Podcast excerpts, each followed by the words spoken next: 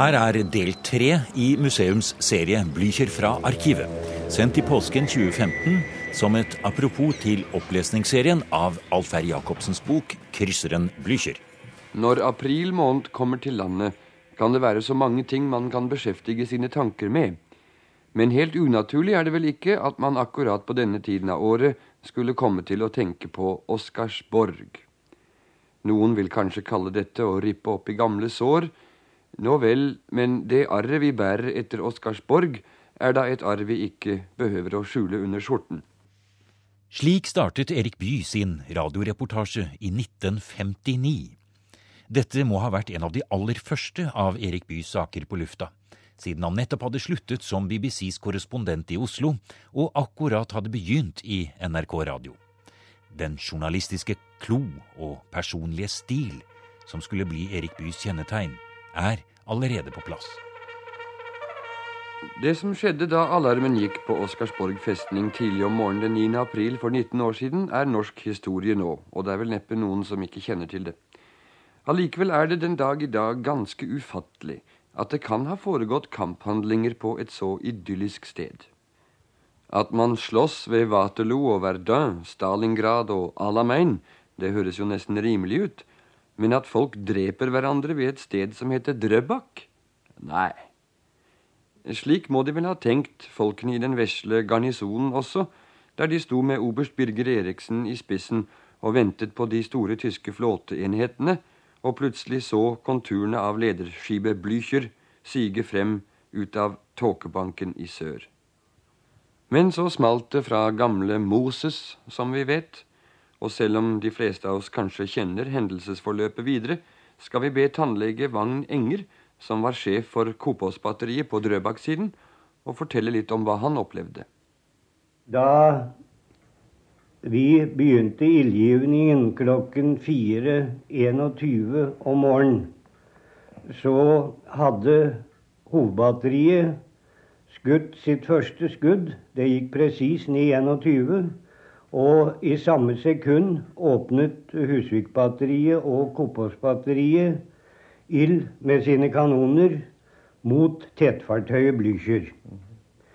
I løpet av artillerikampen så fikk Blücher to fulltreffere fra hovedbatteriet.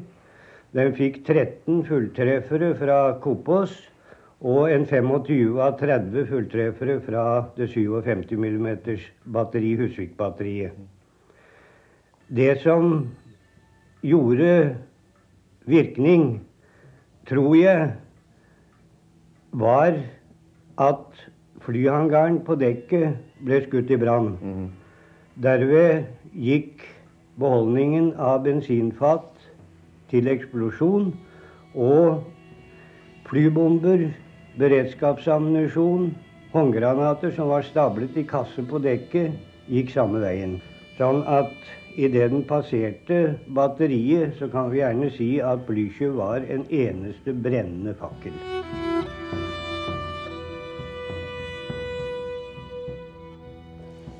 I NRKs arkiver har vi noen verdifulle opptak med tidsvitner. Mennesker som selv tok del i begivenhetene. Som sjefen på Koppås-batteriet, Wang Enger, som vi nettopp hørte her i Erik Byes program fra 1959. Men hva med de tyske mannskapene? Vet vi noe om hvordan det var i Blüchers maskinrom da torpedoene traff? Og da den nye slagkrysseren gikk på grunn etter torpedotreffene, og flere tusen soldater og matroser forsøkte å redde livet ved å svømme inn til Drøbak. Finnes det noe om dem i arkivet? Det forbausende svaret er faktisk ja. Og i dette programmet skal vi høre noen helt unike opptak med tidsvitner fra tysk side. Men først noen flere fakta om hva som skjedde i disse historiske aprildagene i 1940. Vi er om bord i den militære fergen som går fra Drøbak og over til Oscarsborg festning. Vi lar tankene gå til et annet skip. Til kommandobrua på Blücher som den 8. april 1940 ledet en tysk flåtestyrke på vei mot Norge. Hitlers operasjon Weser-Übung var i gang. I Norge var det usikkerhet og frykt for at krigen skulle komme også hit. Men ingen visste noe sikkert, og mens Blücher og minst 15 andre krigsfartøy var på vei mot Oslofjorden med slukte lanterner, fulgte folk med på nyhetene i radio. Klokken 22 den 8. april kunne de høre dette. Nyhetene i kveld alt vesentlig fra Norsk Telegrambyrå. Videre offentliggjøres forbudt. Det bekreftes i kveld i en Stockholm-melding at betydelige tyske sjøstridskrefter i morges har gått nordover gjennom Storebelt. Antall av orlogsfartøy oppgis til om lag 50. I løpet av ettermiddagen og kvelden er det kommet melding om torpedering av tre tyske skip utenfor norskekysten. Ved 13-tiden kom det melding En Stockholmsmelding. Det var bl.a. rapportene fra Vinga fyr utenfor Gøteborg, som hadde observert de tyske krigsskipene på vei nordover. Og torpederingen var et tysk troppetransportskip som skulle mot Bergen og sette i land styrker der. Å få vite noe helt nøyaktig hvordan båten er blitt senket, er nokså vanskelig, da de gjenlevende tyskere ikke vil uttale seg. Imidlertid anser man det for godt gjort at den krigsforliste båten er Rio de Janeiro på 8000 tonn. Påfallende var det også at alle tyskerne var noenlunde av samme alder. Det kunne se ut som om de var militære. De var nyklipte og var i alle fall nokså ensartet kledt. Ordinære sjøfolk så de iallfall ikke ut til å være. Men alarmen i Norge går ikke. Bortsett fra at alle fyr rutinemessig er slukket, skjer det ingenting. Tiden er knapp, og like etter denne dagsnyttmeldingen klokken 22 den 8. april forsøker et lite norsk grensevaktskip ved Torbjørnskjær å signalisere til den mørklagte Blücher. Svaret er at en av de mindre båtene i konvoien, Albatross, angriper Pol 3 for å hindre at kapteinen får gitt melding over radiosambandet. Kaptein Leif Velding Olsen får gitt sin melding, men blir drept av den tyske maskingeværilden. Og mens Albatross tar resten av mannskapet til fange, har de øvrige tyske skipene fortsatt for sakte maskin innover i nattetåken i Oslofjorden. På Oscarsborg gjør oberst Birger Larsen klart for kamp, og på Skaugum sitter kronprins Olav og hører på radio.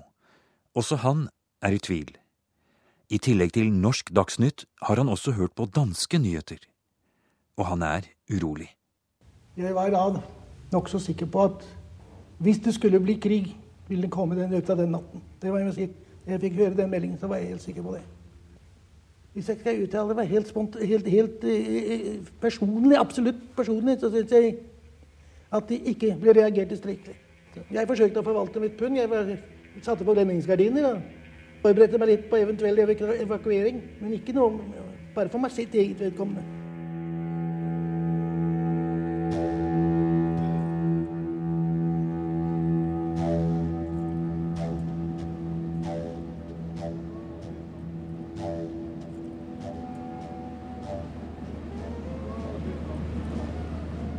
Og mens de fiendtlige skipene nærmer seg og kronprins Olav så smått pakker på Skaugum, har oberst Birger Eriksen på Oscarsborg ladet kanonene. Og vi har kommet fram til den historiske festning.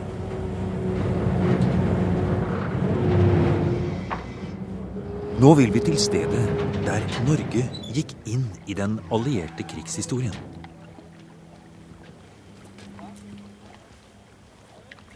Vi har avtale med sjefen for Oscarsborg festningsmuseum, orlogskaptein Jan Egil Fjørtoft og museumsguide Kjell Glosli.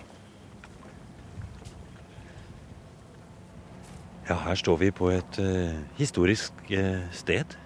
Det er nydelig vær, sola skinner, og vi ser utover Oslofjorden. Men sånn var det ikke natt til 9. april her, uh, Fjørtoft. Nei, da var det ganske disig rått og kaldt. Faktisk så lå tåka noe tettere mot vestsiden av fjorden enn østsiden.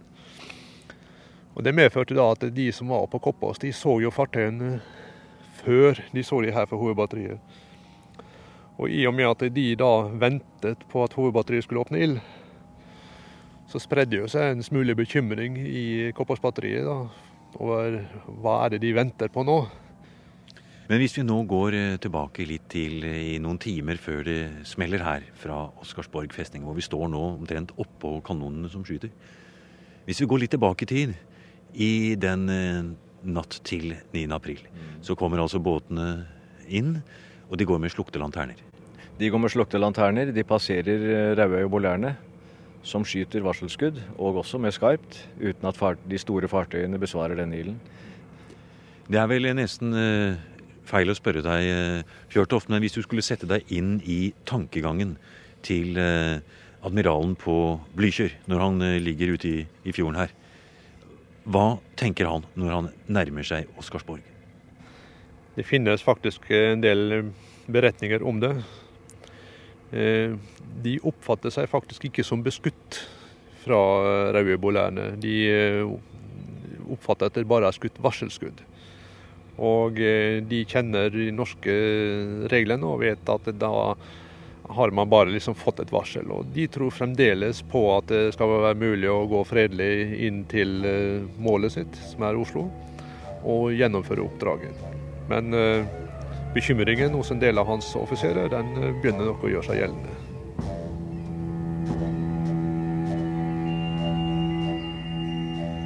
Det de tyske offiserene diskuterte, var om ikke en av de mindre båtene burde gå inn i det trange Drøbaksundet først, for å teste den norske reaksjonen.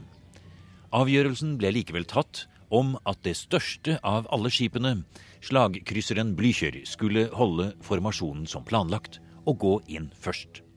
De andre skipene ble liggende i posisjon lenger ute i fjorden. Da dette var avklart, ga vakthavende offiser beskjed over skipets høyttaleranlegg om hva som skulle skje. Blücher skulle ikke være den første til å åpne ild, men forsøke å gå rett forbi Oscarsborg. Nede i hovedmaskinrommet var Herbert Lintner på vakt som stabsovermaskinist. På sin vakt hadde han 21 mann i maskinen. Om de neste dramatiske minuttene fortalte han i 1967 til en tysk journalist fra Radio Bremen. Opptaket med Lintner ble gitt i gave til NRK, og det er ikke registrert at det noen gang er sendt. Men her hører vi maskinsjefen på Blykjør fortelle at selv om de fikk beskjed over høyttaleranlegget, ble besetningen forbauset da de hørte de første smellene og kjente sterke rystelser i skipet. Vi wurden ja durch die Gegensprechanlage über alles, was oben und draußen geschah, informiert. Da spürten wir starke Erschütterungen im Schiff. Und obwohl wir wussten, wir hatten, äh, sollten den Angriff nicht eröffnen, sagte ich, Donnerwetter, jetzt fangen wir selbst an zu schießen. Sie dachten zuerst hätte die Blücher das Feuer eröffnet? Ja. Donnerwetter, jeg trodde det var Blücher som hadde åpnet ild, sier Herman Lindner. I virkeligheten var dette en av de første fulltrefferne fra landbatteriene som rystet skipet, og ned gjennom en av luftekanalene kom det granatsplinter fra ammunisjonen på dekk. Gassalarmen gikk, men vi trodde det var falsk alarm, sier Lindner. Meine Seeleute, der eine schrie gleich Gasalarm. Ich konnte mir das nicht denken. Und äh, die Voreiligen hatten schon Gas, die Gasmasken in der Hand, aber haben sie schnell wieder weggehängt. Im gleichen Augenblick auch äh, kam der Ruf aus der Bilge, Feuer im Maschinenraum. Da war also tatsächlich ein I samme øyeblikk kom ropet 'brann i maskinrommet'. Et turbinrør var sprunget lekk, og oljen derfra ble antent. Und meine Leute im äh, Pumpenkeller löschten das Feuer selbst. Brannen ble slukket av mine egne folk, sier Lintner, som forteller at Blykjør på dette tidspunkt gikk med seks knops fart bare 300 meter fra de norske landbatteriene. Vi hadde nur kleine fart, das sind ungefähr seks seemeilen, weil wir dort på dette tidspunkt har ennå ikke torpedoene truffet. Men situasjonen om bord i Blücher er kritisk. I NRKs arkiv finnes det flere stemmer fra den dødsdømte båten. I 1989 intervjuet Yngvar Ustvedt tre av de overlevende. som fortalte om sine minner 50 år etter. En av dem, Alexander Dietsch, husker at det ikke var tegn til panikk, men at forvirringen var stor de siste minuttene før torpedotreffene. Det elektriske anlegget var ødelagt av branner og eksplosjoner som spredte seg flere steder om bord. Pumper, lys og styring fungerte ikke, og det 200 meter lange skipet nærmest drev forbi kanonene på Oscarsborg. Als de ersten Treffer von Oscarsborg kam, fiel ja bei uns die ganze elektrische Anlage aus, inklusive aller Übermittlungsanlagen. Sogar äh, durch diese elektrischen Anlagen sind die Pumpstationen ausgefallen. Es gab Schläuche, Feuerlöschschläuche und so weiter, die kein Wasser führen. Det gikk fra vondt til verre. De to torpedotreffene ga Blücher en økende slagside til babord, og i maskinrommet hos Herbert Lintner følte de det som om hele skipet ble løftet opp i luften da den første torpedoen traff turbinrom to og tre. So dass wir förmlich einen Luftsprung machten. Und meine Leute aus dem Bunkenkeller heraufgeschossen, schon pudelnass, stand ich auch schon mit den Füßen im Wasser und äh, war also starker Wassereinbruch im Raum und blieb uns weiter gar nichts anderes übrig, als so schnell wie möglich raus. Folkene mine kom opp fra turbinrommet helt gjennomvåte, og selv sto jeg til vanns til knærne, sier Lintner, som ga ordre om å stenge alle mannluker og skott og evakuere til mellomdekket. Én mann ble låst inne under vann, men resten av maskinlaget kom seg ut. Da jeg rapporterte til vakthavneingeniør at vi var blitt torpedert, trodde han ikke på meg, sier Lintner. Ach, sagt er, das war doch kein Torpedotreffer. Wir sind in ein Minenfeld geraten. Sa nein, das muss ein Torpedotreffer gewesen sein, denn die Detonation lag dafür viel zu tief. Ja, sagt er, da kann ich nicht glauben.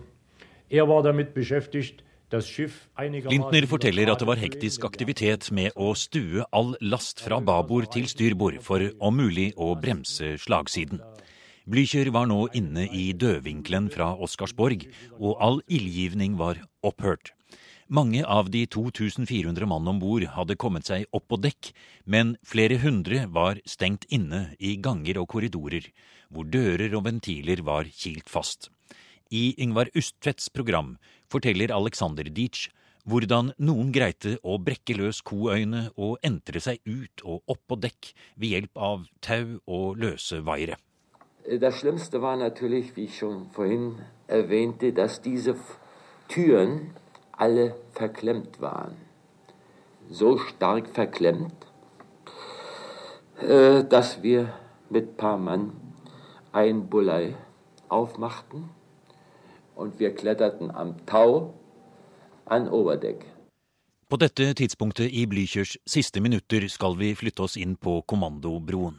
Der står admiral Kumitz og skipets kaptein pluss generalmajor Erwin Engelbrecht.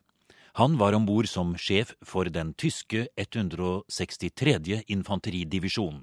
Dette var altså soldatene som skulle innta Oslo og sikre, som det het, den norske konge og regjering. 30 år senere fortalte Engelbrecht sin historie til Anders Burås, en av de aller første programsekretærene i NRK Fjernsynet. Det snaue fire minutter lange opptaket ble sendt som prøvesending i TV i Oslo-området den 9. april 1960. Engelbrecht forteller at han rolig observerte tilstanden som ble verre og verre, og var sterkt opptatt av når han kunne overta kommandoen. Det kunne ikke skje før skipet ble erklært overgitt, og da skipet sto i full fyr, hadde sterk slagside og uten styring hadde dreiet rundt kjettingen til ankeret som stanset siget i skroget, henvendte generalmajoren seg til admiral Kumitz med følgende spørsmål. Ob das Schiff im sinkenden Zustand sei oder nicht. Ob das Schiff noch transport- und fahrfähig sei oder nicht. Ob der Transport beendet sei oder nicht. Admiral Kumitz forderte vom Kommandanten des Schiffes die Meldung. Wie, welche Auskunft geben Sie? Und der Kommandant nach ernster Überlegung legte dann die Hand an den Blitzer und sagte, ich muss pflichtmäßig das Schiff verloren geben. Habe ich erklärt, dann übernehme ich. Jetzt das Kommando für die Unternehmen an Land. En fortettet øyenvitneskildring av sekundene da kapteinen på ytterst korrekt militært vis henvender seg til sin admiral og sier at skipet er tapt. Nå overtar generalmajor Engelbrecht og gir ordre til full evakuering av skipet.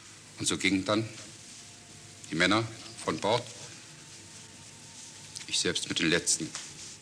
Og så gikk mennene fra borde, jeg selv som sistemann, sier Engelbrecht. Men han legger til at han hadde gitt ordre om at alle soldatene skulle ta med seg håndvåpen. Sjøfolkene som kunne svømme, måtte gi fra seg de få livbeltene som var å få tak i, til soldater som ikke kunne svømme. Og, sier Engelbrecht, jeg ga ordre om at ingen måtte gå i land på små holmer og skjær, men komme seg til land, for mitt oppdrag var ikke endret. Jeg hadde dass die guten Schwimmer und tüchtige Leute nach Möglichkeit an Land schwimmen sollten und nicht auf die einsamen Schäreninseln, denen sie ja abgeschnitten waren, weil mein Ziel ja nach wie vor Oslo lautete.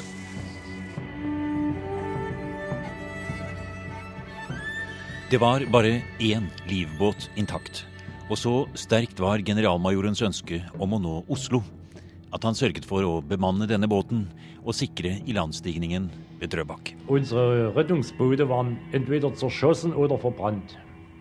Das einzige noch heile Rettungsboot, das hatte ein äh, Major von der Infanterie mit ein paar Infanteristen besetzt. Der wollte angeblich Landungsmöglichkeiten. Hele sundet brant i olje fra Blücher, som nå hadde kantret helt og var i ferd med å synke.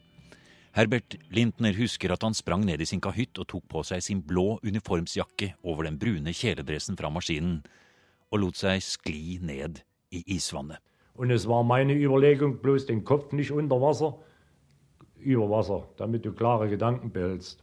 For å holde tankene klare äh, ville jeg ikke få hodet under vann, äh, sier Lintner, som klamret seg til noen trebiter og forsøkte å svømme gjennom en sørpe av vrakgods, brennende oljeflak og druknende kamerater som ropte om hjelp. Als ich im Wasser schwamm, ich hatte mich an einem Brett festgehalten. Da kam hinter mir einer im Lederbäckchen äh, in äh, Hand über Hand schwimmen. Ich kann nicht mehr, ich kann nicht mehr, klammert sich an mein Brett. Das schwappt auf der anderen Seite hoch. Und Om det var klopfte mir 500, nun, dass eller det dobbelte, eller kanskje enda flere, som druknet i Drøbaksundet, er det ingen som vet med sikkerhet. Herbert Lintner kom seg på land på en liten holme, som etter hvert ble helt overfylt av gjennomvåte og utmattede skipskamerater. Ja, altså, det var en kleines Felseneiland, Der stand kein Baum, kein Strauch. Ungefähr 300 Mann fanden wir uns dort allmählich zusammen. Vi holdt oss i bevegelse og gikk rundt og rundt et lite bål vi hadde greit å fyre opp med livbelter og trebiter. Mit Hilfe des äh, kaputten äh, Rettungskutters und äh, Kapok-Schwimmwesten ein Feuer zu zaubern, so dass sich die am schlimmsten mitgenommenen Kameraden immerhin noch einigermaßen trocknen konnten und erwärmen konnten. Så klokken seks om ettermiddagen den 9. april kommer det en fiskekutter med to norske soldater og roper over til de skipbruddene på Holmen at de skal komme om bord. Anse dere som internert, ikke tatt til fange, sier den norske løytnanten og ber om at et papir blir signert. Da kom en norvegisk fiskekutter. Forne drauf stand en løytnant med der Flüsterdüte, Megafon. Und an äh, jeder Seite ein Soldat mit einem Karabiner. Der Leutnant, der rief dann rüber, leisten Sie keinen Widerstand, Sie haben sich als interniert zu betrachten, nicht als Gefangener. Machten die einen Unterschied. Det er mange beretninger i NRK-arkivet og i historiebøkene om hvordan de tyske overlevende som kom til land på forskjellige steder langs Drøbaksundet, får førstehjelp, tørre klær og mat fra sivilbefolkningen. In dem Dorf wurden wir äh, sehr großartig aufgenommen, gleich mit heißer Milch und Butterbroten empfangen, in einen großen Saal untergebracht. Da war es ordentlich warm und äh, es wurde da sehr gut für uns. Medmenneskelighet som trosset krigens grusomheter, som Erik Bye sier det i programmet fra arkivet. Vi lar også Erik Bye fra 1959 avslutte slik han gjorde, med en filosofisk tanke til at det som beseiret tyskerne den 9. april, var to 50 år gamle torpedoer fra Østerrike og en like gammel kanon fra Blüchers hjemland. Moses het, som vi alle husker, den gamle kanonen som innledet kampen ved Oscarsborg den 9. april 1940. Navnet fikk den etter at den var ramlet i sjøen under lossing i Oslo i 1893, og for at dens to identiske våpenbrødre ikke skulle føle seg forfordelt, slo man opp i Det gamle testamentet og kalte dem for Aron og Josfa. De står der fremdeles på sin gamle plass, tre stygge beist med kanonrør som veier hele 26 tonn hver, beregnet på å slynge ut prosjektiler på 250 kilo. Men ingen av dem er i bruk eller skal brukes mer. Det var kanskje ikke så rart at tyskerne ikke ble så begeistret da de så disse gamle beistene, og oppdaget at det sto et lite skilt på hver av dem med påskriften Friedrich Krupp Essen. Du har nå hørt en podkast av programmet Museum fra NRK P2. Og send gjerne en e-post til museum nrk.no.